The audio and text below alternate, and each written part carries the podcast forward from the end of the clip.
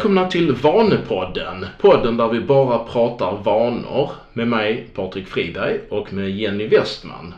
Hej Jenny! Hejsan, välkomna! Hur är läget idag? Det är bara bra. Uh, och idag så ska vi ju prata om någonting som är väldigt populärt. Och det här ska handla om tips för att gå ner i vikt lätt. Ja precis. Uh, vad var det vi pratade om i förra avsnittet? Att uh, efter två år så är det bara ungefär fem personer som har lyckats med sin viktminskning som har påbörjat det och hållit den nya vikten. Mm. Så det är jättetufft. Det är tufft, absolut. Och varför tror du att det kan vara så tufft? Jag tror att eh, man gör liksom de klassiska misstagen. Att man vill ha snabba förändringar, man sätter eh, tuffa mål, man vill tappa väldigt mycket vikt på kort tid. Man ändrar på en massa olika saker både i träning och i kost och så blir det väldigt, väldigt tufft att hålla det. Och efter några veckor så eh, när man får en motivationssvacka så klarar man inte en dag och dagen efter så känns det svårt att gå tillbaka till metoden och sen tappar man det. Mm. Men om man vill göra det lätt. Det är svårt när man eh, har försökt tidigare. Och hur ska man då göra? Man vill ha den här viktminskningen. Men hur gör man för att det ska kännas lätt? Mm, man ska använda sig av eh, vanemetodik.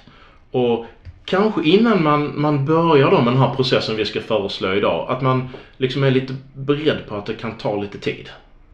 Eh, det kommer kännas lättare, men det kommer kanske ta lite längre tid än de här intensiva eh, snabbbantningsmetoderna som, som finns i, på Instagram och i veckotidningar liksom.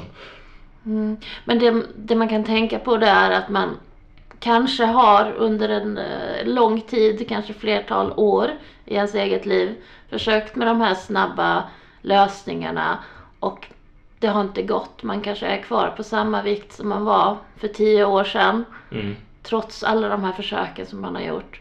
Mm. Och då kan man ju tänka så att då har man lagt tio år av, av sitt liv på eh, olika typer av bantningsmetoder. Och då har slutresultatet är noll. Mm. Och vi ska inte prata om några bantningsmetoder. Nej. Utan vi ska prata om en annan metod.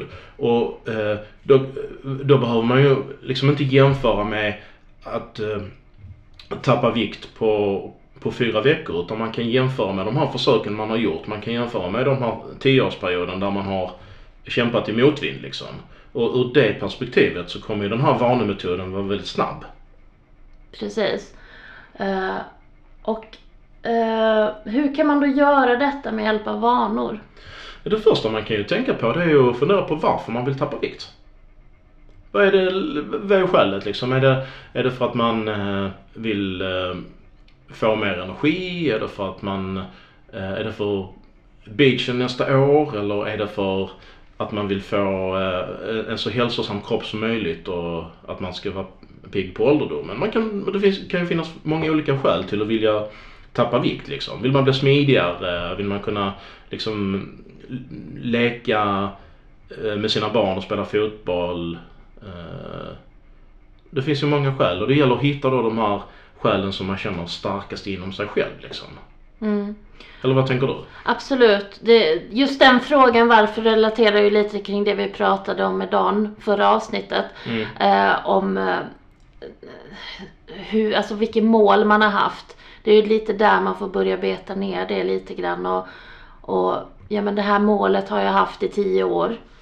Men varför har jag det? Och Mm. vad är det, vad innebär det för mig att gå ner i vikt? Vad skulle det, när jag uppnår det resultat man har velat ha under de här åren, vad har man för bild av att, eh, vad ska hända i kroppen, vad ska hända i ens liv? Och försöka göra det synligt för en själv. Och det är väl egentligen det man behöver för att sen kunna starta med hur. Mm, precis. Och innan man går vidare sen med nästa steg så kan man tänka så att det, det kan vara bättre att inte ha en metod för att gå ner i vikt och sen en annan metod för att hålla vikten. För när man har, har kommit ner i vikt och känner sig nöjd så kan det kännas eh, lite betungande att behöva komma på en metod till liksom. Mm. Utan när, när, man har bestämt sig och man eh, känner sig eh, liksom inspirerad och börjar med en metod så kan det vara bättre att bara göra, göra det en gång. Eh, alltså den metoden som man behöver använda för att hålla sin nya vikt som man kommer nå i framtiden. Den metoden kommer också ta en mm. till målvikten. Precis, så det handlar ju kanske om en eh, livsstilsförändring Exakt. helt enkelt. Som du gör nu men som du även kan fortsätta att ha eh, när du känner dig nöjd med din vikt. Exakt. För den livsstilsförändringen du gör det kommer innebära att du, du har liksom ett kalori eh, gap mellan hur mycket du gör av med och hur mycket du äter liksom. Och, då, och det kalorigapet eh, kommer både få, få dig ner i vikt och få dig att hålla den nya vikten. Mm. Så det behövs bara en metod. Mm. Och det, ja, det är ju väldigt viktigt att man känner att det är en bra nivå då. Man får inte ha en för hög ribba eftersom det ska vara någonting som man ska hålla långsiktigt.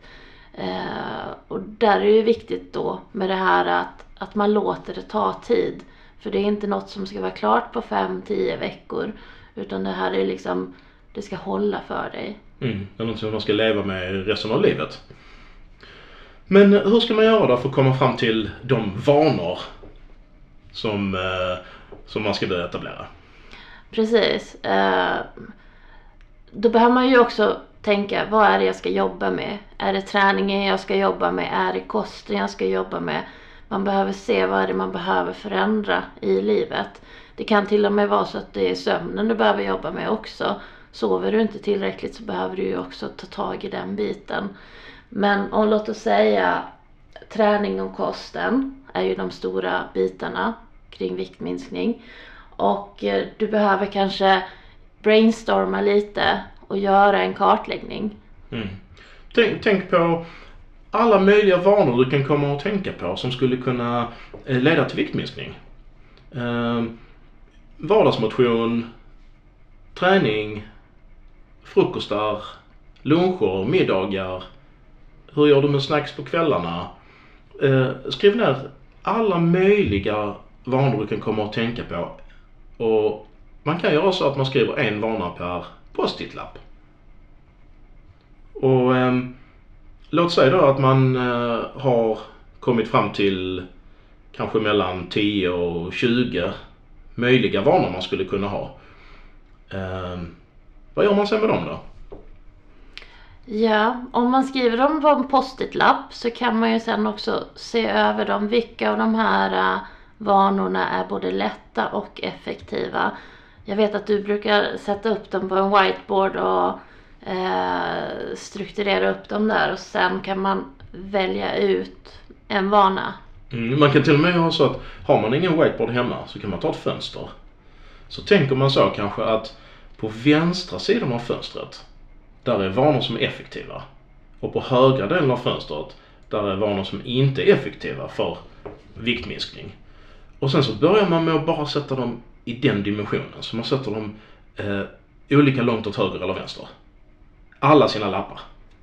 Eh, så man, man funderar en stund och tänker, är, är den här vanan till exempel då morgonpromenad 20 minuter. Tycker jag, är den effektiv för viktminskning? Eh, om jag gör den varje dag? Ja, borde den vara. Och, och, så sätter man den då någonstans på den här skalan då som man har på fönstret.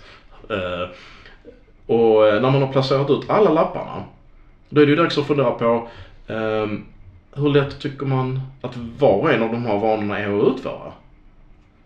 Och då behöver man inte göra det så komplicerat. Man kan bara liksom tänka på vanan. Ser jag det här som lätt eller, eller svårt för, för mig liksom? Och då tänker man så att långt nere på fönstret, där är svåra vanor. Och långt uppe på fönstret, där är lätta vanor. Och då får man inte flytta lapparna i sidled längre utan då får man bara flytta dem upp och ner liksom. Och då kommer man ha antagligen eh, eh lapparna ganska spridda över det här fönstret liksom. Och då kan man tänka så här att de lapparna som sitter i det övre eh, vänstra hörnet. Där man har liksom Eh, nu sa jag rätt va? Mm, mm. Mm. Eh, där har man då vanor som är både lätta och effektiva. De är ganska smarta att börja med. För att de kommer ge stort resultat och de kommer inte möta så stort motstånd när man ska, ska låta dem skrida till verket liksom. Ja. Och när man, ska man välja en då eller ska man välja flera tycker du? Alltså ett sätt man kan göra det är att man börjar och plocka ut en av lapparna. Mm. Och sen så eh, eh, funderar man då på den här vanan, eh, är den eh, eh, behöver den någon ytterligare vana för att den ska fungera? Mm. Till exempel då om man eh, vill äta en viss typ av frukost. Kommer de ingredienserna alltid finnas hemma? Eller behöver man ha ytterligare en vana för att liksom skriva ner de här ingredienserna i sin shoppinglista och att man behöver ha kanske ytterligare en vana för att se till att man alltid handlar tillräckligt ofta för att veta att det här finns hemma liksom. Ja, precis. Så det kan ju vara att man behöver förbereda saker för att vanan ska bli av. Exakt. Och, och, det, och liksom en, en frukostvana skulle kanske kunna bli fyra vanor liksom. Mm. Skriva shoppinglistan, handla med en viss eh, regelbundenhet, kanske lägga fram vissa saker kvällen före på, för att tina så att det är klart på morgonen. Och sen då tillreda frukosten på morgonen liksom. Mm. Ehm, skulle det vara så att man behöver de här, liksom, vad ska vi kalla dem, stödvanor. Då kan det räcka med en vana. För har man då tre stödvanor då blir det egentligen fyra vanor. Jag vet ju själv när jag har börjat med många vanor så har det ju kommit in sådana där stödvanor som jag inte har tänkt på. För att när man ändrar en sak i livet så blir det ju automatiskt andra saker som förändras också. Mm. Så det är nog väldigt klokt det du säger att man börjar faktiskt med en och så får man se eh, vad är det mer som jag behöver förändra. Mm.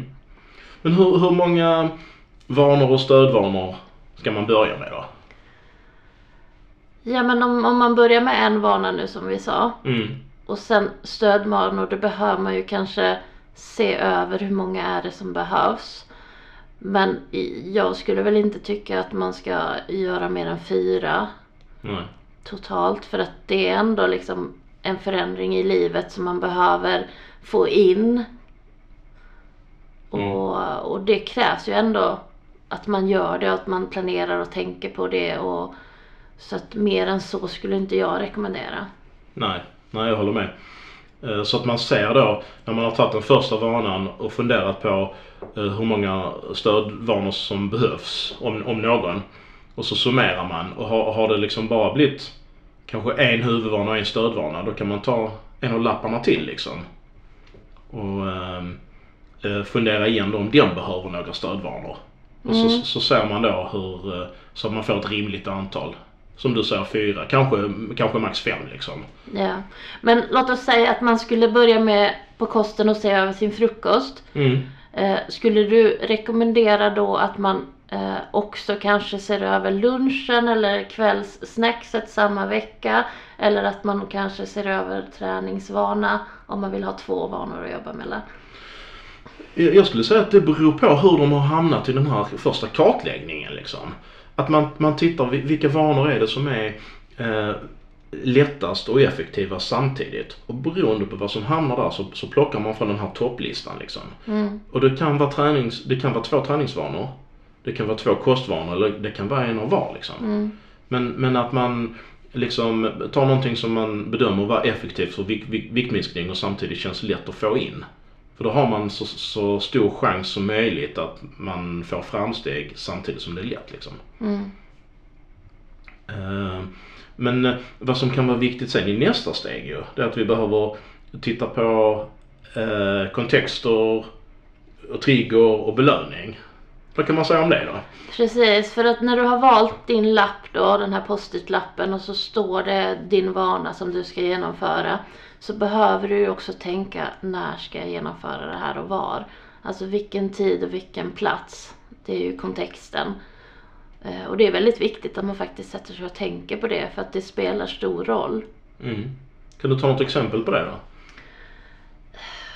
Ja, men om jag tänker, jag tar ett exempel från mig som jag har haft upp tidigare där just eh, kontexten spelade väldigt stor roll.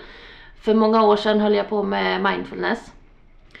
Och eh, då var det ett, en kontext där det funkade jättebra över ett års tid. Men sen eh, bytte jag kontext och jag fick inte in det på rätt tid och plats i mitt liv.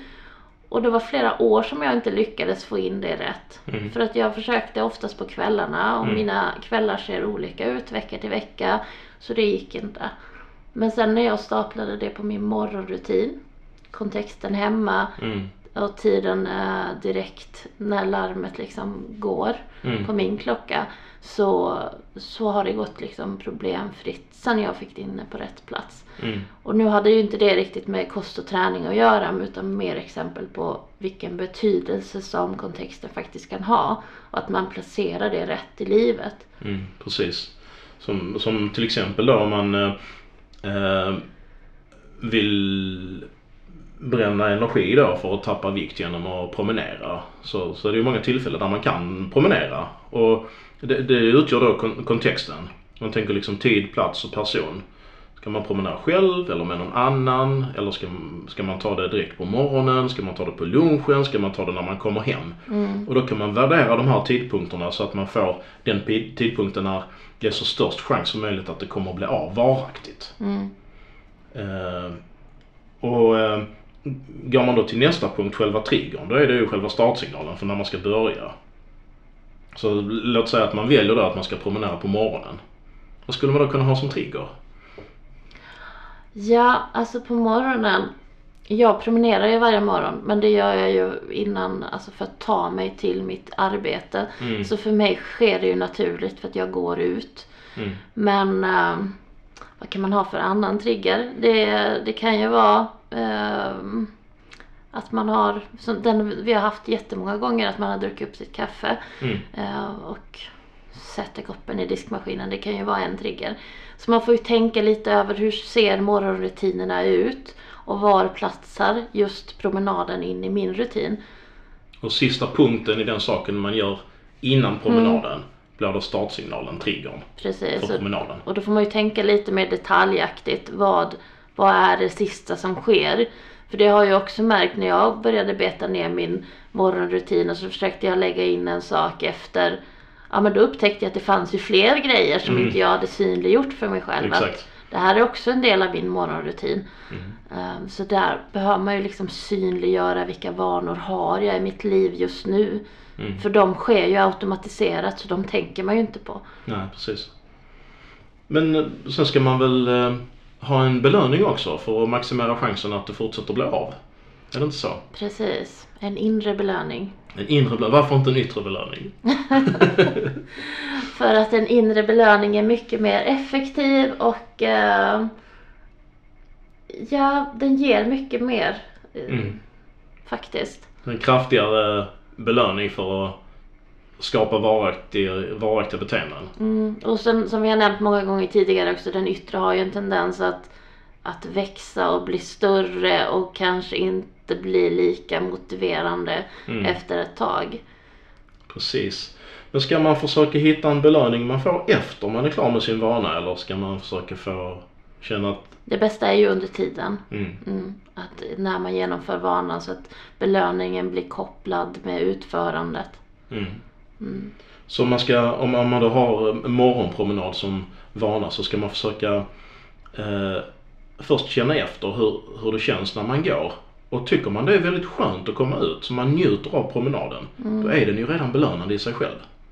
Precis. Om man inte känner det så eh, kanske man kan tänka då på att man gör någonting som är väldigt bra för sin eh, viktminskning och för sitt välbefinnande och för sin hälsa. Mm. Och kanske dygnsrytm om man får morgonljus liksom, om man är ute och morgonpromenerar. Så de Precis. positiva effekterna och då borde man känna sig stolt och glad och nöjd liksom. Absolut. Ehm, exempelvis så var jag ute och vandrade igår. Det var väldigt blåsigt och det regnade. Mm. Men den belöningen jag kände då var ju, jag njöt ju av naturen. Även fast det var väldigt dåligt väder så är ju naturen väldigt vacker. Mm. Ger mig väldigt mycket, frisk luft ger mig väldigt mycket. Och också den här känslan att jag hade lika gärna kunnat strunta i detta och skylt på vädret. Men jag gjorde det och då var man väldigt stolt att man faktiskt genomförde det. Mm. Och det har jag haft lite svårt att förstå varför jag har känt så tidigare. För eh, om, om jag liksom cyklar när det snöar och blåser eller ute och springer i ösregn så, så känner jag också det ganska starkt liksom att eh, känns liksom nästan li, lite, lite extra belönande. Ja, jag och- håller med. Det blir liksom eh, mycket starkare belöning när man gör det i sådana kontexter. Ja, för då blir, man, då blir man extra stolt för att man har trotsat vädret liksom.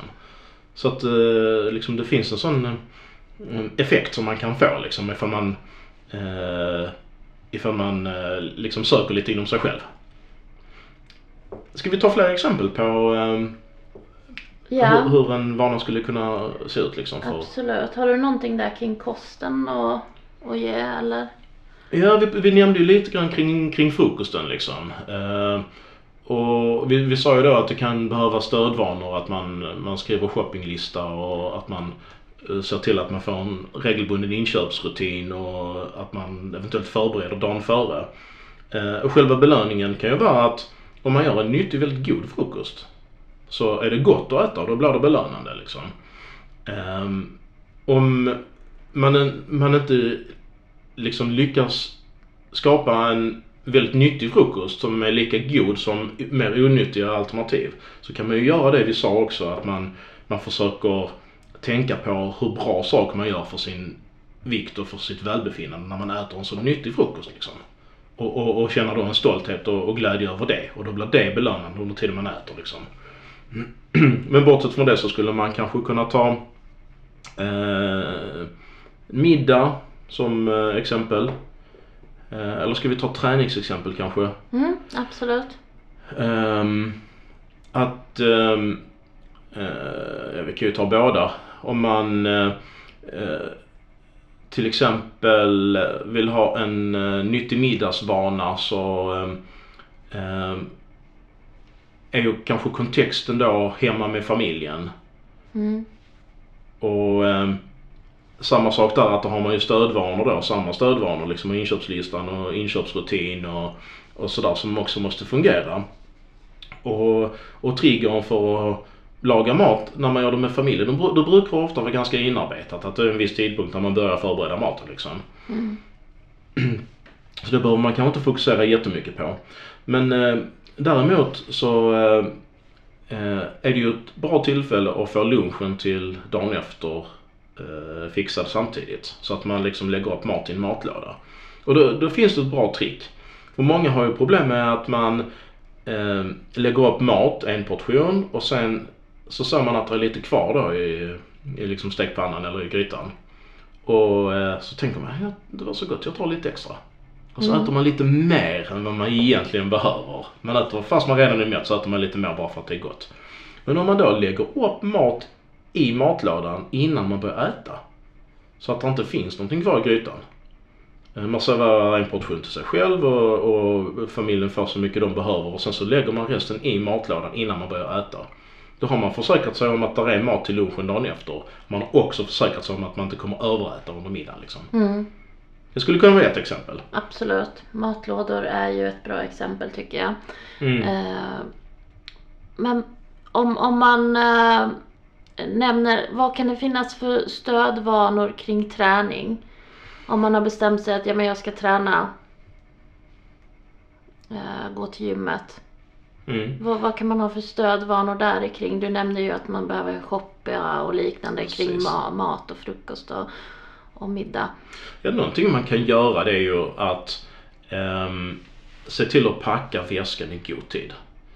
Eh, Det, det är ett ganska typiskt exempel på att- misslyckas. Att man tänker att man ska packa träningsväskan precis före träningspasset. Har man då en lite dålig dag så eh, kan och, och leta efter träningsbyxorna kännas tillräckligt jobbigt för att ställa in passet liksom. Mm, Har man då träningsväskan färdig och packad och redo så har man fått bort den eh, risken och inte komma iväg liksom. mm. Alltså för mig har det varit mycket, när jag har tänkt på mina stödvanor till mina vanor, har jag ju känt efter lite grann vad är det som ger motstånd med den här vanan. Mm. För ofta har det ju då varit stödvanor som har saknats. Som man har behövt göra. Och, och då får man ju tänka lite grann vad är det för motstånd man har och hur kan man få bort det genom att eh, göra det till en vana istället. Exakt. En annan tidpunkt. Det kan vara kvällen innan. Precis. Men eh, vad gör man då om man eh, tycker att man har gjort en bra plan så långt men eh, det blir inte riktigt av ändå? Ja, alltså jag tänker så här. Veckoreflektion. Det har funkat jättebra för mig. Eh, och när jag reflekterar kring vanan eller vanorna som jag har i mitt liv. Eh, då tänker jag liksom, vad har hänt den här veckan? Vad har gått bra? Vad har gått dåligt? Så att man liksom inte bara släpper det om det någonting går dåligt och man tycker men jag har ju ändå försökt och jobbat efter det här konceptet. Ja men man behöver felsöka det lite grann. Det finns säkert jättemånga bitar under veckan som har gått bra. Men sen är det säkert en del bitar också som har varit tunga, svåra, jobbiga. Som har varit liksom, det har funnits ett motstånd här och det kanske inte har gått. Nej, och då är det ju viktigt att man, man, man frågar sig själv ganska värderingsfritt liksom. Har jag upprepat vanan eh, de tillfällen när jag planerar att upprepa den? Och har man inte gjort det då, då har vanan inte funkat ju. Eh, och det behöver inte vara någon stor grej liksom. Man behöver inte ha något dåligt samvete eller så. Utan man, man bara kallt kan konstatera att det inte har funkat som planerat. Och då beror det på någonting som med stor sannolikhet går att modifiera liksom. Så att Mm. man ökar chansen att det kommer att funka veckan därpå liksom. Precis, det kan vara så att man har alldeles för hög ribba. Mm. Och att man behöver se över vanan och hur mycket kan jag sänka den här ribban för att den faktiskt ska bli av. Mm. Har det inte funkat med frukosten så, så kanske man inte ska ha en eh, eh, avancerad omelett och, och frysta bär och en väldigt stor eh, tidskrävande genomarbetad frukost till att börja med. Utan man kanske får ta något som är nyttigt men som är lite lättare att tillreda liksom. Mm, Och samma med träningen, kanske kortare träningspass liksom. Ja, eh, så det kan ju vara som en sån enkel grej så att ja men jag vill äta ett kokt ägg på morgonen. Men då kanske man inte känner att man har den tiden på morgonen. Men koka ägget på kvällen då istället. Mm. Alltså man behöver se över hur kan jag förändra vanan så att det blir av. Mm. Eh, Och det behöver man göra. Det har du och jag gjort hur många gånger som helst med våra Absolut. vanor. Det är nästan omöjligt att, att etablera en rad vanor som fungerar direkt utan man måste alltid tweaka och ändra på det. Mm. Och få det att funka liksom. Och eh, nej men sen också behöver man kanske ibland, ja men man har haft vanor som har fungerat bra. Men sen händer det någonting i ens liv eller liknande som gör att man behöver se över dem också. Mm. Det betyder inte att man ska sluta med vanan eller tappa den bara för att det går, bra, äh, går dåligt. Utan just det här felsökning, är det kontexten, är det tiden? Är det kanske så att det är en person som jag har promenerat med varje morgon och helt plötsligt är den personen sjuk eller så har den flyttat. Alltså man behöver se över saker hela tiden. Mm. Det behöver man. Och, om man byter jobb eller man flyttar och då, då blir det ju helt nya miljöer, helt nya kontexter. Och då är det inget konstigt att man, man, eh, man kan tappa vanor. Och då måste man liksom eh, tänka hur man ska eh, hantera det med nya kontexter. Mm. Jag vet att när jag började också så hade jag svårt att få till triggen och jag hade svårt att få till den inre belöningen. Det tog några veckor för mig innan jag hade anammat det tänket. Mm. Så det är också, har man aldrig jobbat med vanor tidigare så är det också en omställning att gå bort från det här målstyrda tänket till vanetänket. Mm, det är det verkligen. Eh, Men man, man tjänar på det i det långa loppet. Att jag kan tänka mig att när man börjar med det här så eh, eh, känns det lite um, um, att man, att man kanske tycker det är lite synd och kanske lite svårt att eh, lägga kraft på det för att man skulle egentligen vilja ha snabbare resultat. Man skulle vilja göra mycket mer, mycket eh, intensivare direkt liksom. Mm. Och det är väl lite så man har blivit eh, uppfostrad höll jag på att säga. Men det är lite som man alltid har fått höra genom sociala medier och allting har ju alltid varit snabba resultat. Mm. Och som jag ser det så är det som att eh, man ska ta sig upp för en trappa. Och, och sätter man foten på femte trappsteget och, och gör ett rejält frånskjut så kommer man upp en liten bit och så trillar man tillbaka igen. Och många gör så med de stora förändringarna att man liksom försöker trilla tillbaka, försöker trilla tillbaka. Och man kan hålla på så i tiotals år liksom utan att få varaktiga resultat. Mm. Bara för man hela tiden strävar efter de här snabba, kraftiga förändringarna. Medan det logiska sättet då liksom gå upp stabilt och fint på steg ett och sen stabilt och fint till steg två. Och innan man vet ordet av är man uppe på toppen av trappan liksom. Mm. Precis. Så små steg varaktigt. Mm. Och det som är bra också när man får till vanan automatiserad så gör man ju den utan att tänka på det och det blir liksom lätt. Mm, precis. Och eh, då, då pratar vi om i början att man skulle göra en kartläggning av vanor. Och när man har kommit till den punkten när det känns lätt att de här första, till exempel fyra vanorna som man har börjat med, när de går automatiskt och känns lätt. Så kanske man har tagit en bild på den här whiteboarden eller fönstret där man, där man satt upp lapparna. Då är det dags att ta nästa eh, lapp liksom. Och lägga på några vanor till. Mm. Eh, så kommer man få ännu effektivare eh, viktminskning och viktkontroll.